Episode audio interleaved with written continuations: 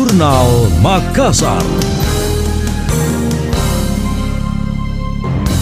Saya Emil Faris dalam Jurnal Makassar. Dinas Komunikasi Informatika, Statistik dan Persandian Kominfo Sulsel mengundang 16 organisasi perangkat daerah OPD untuk memaparkan capaian kinerjanya selama 2021 serta program strategis mereka tahun depan. Kepala Dinas Kominfo Sulsel Amson Padolo mengatakan, selama ini banyak hal yang perlu dipublikasikan dari setiap OPD lingkup pemerintah Provinsi Sulsel. Hanya saja publikasinya tidak mendapatkan porsi yang bagus. Olehnya itu pihaknya melaksanakan kegiatan tersebut agar masyarakat dapat melihat begitu banyak program yang telah berhasil serta program mendatang yang menyangkut pembangunan di Pemprov Sulsel. Karena selama ini banyak hal-hal yang perlu dipublikasikan itu tidak mendapatkan porsi yang bagus hal penyampaian-penyampaian terkait program strategis tersebut. Kita berharap dengan pemaparan ini tiap masyarakat dapat melihat bahwa begitu banyak program terberhasil dan program yang akan datang yang menyangkut terhadap pemerintahan dan pembangunan di Sulawesi Selatan.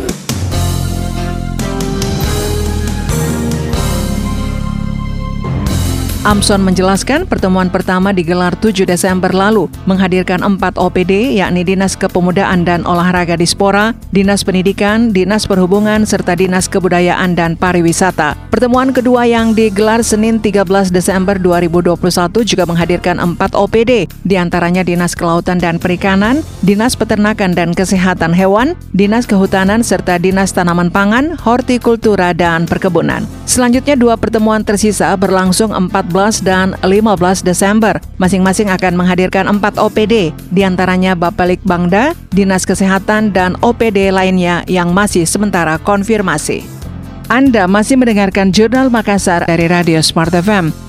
Badan Promosi Pariwisata Daerah BPPD Provinsi Sulsel mempunyai sederet program strategis tahun depan. Program tersebut dipaparkan di hadapan Menteri Pariwisata dan Ekonomi Kreatif Menparekraf RI Sandiaga Salahuddin Uno secara virtual. Ketua BPPD Sulsel Andri S. Arif Bulu menguraikan beberapa program strategis BPPD 2022 mendatang, di antaranya promosi langsung di pusat destinasi wisata yang ada di Bali, Jakarta, dan Singapura. Program lainnya yakni promosi promosi digital dengan memanfaatkan semua media sosial untuk memperkenalkan potensi wisata yang ada di Sulawesi Selatan. Olehnya itu diharapkan dukungan dari seluruh stakeholder yang ada, baik dari OPD maupun lembaga terkait untuk melakukan koordinasi promosi pariwisata. Hal lainnya dengan membentuk shelter tourism yang mencakup Geopark Maros dan Pangkep, Bone, Bira, Tonaja, dan Goa. Ada pula Sulsel Creative Hub, FGD Travel Pattern, hingga Family Trip Sulsel bersama public figure artis, tokoh, dan influencer. BPPD Sulsel pun mengharapkan dukungan Kementerian Perhubungan dengan membuka layanan penerbangan langsung dari Denpasar, Tonaja, Denpasar. Menurutnya rencana program BPPD Sulsel sejalan dengan arah kebijakan pemerintah Provinsi Sulawesi Selatan. Salah satunya untuk pemulihan ekonomi di bidang pariwisata serta lapangan kerja. Sementara itu Menteri Pariwisata dan Ekonomi Kreatif Sandiaga Salahuddin Uno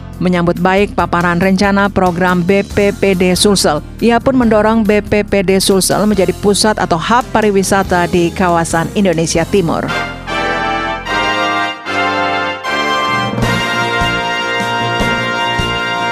Demikian tadi, Jurnal Makassar.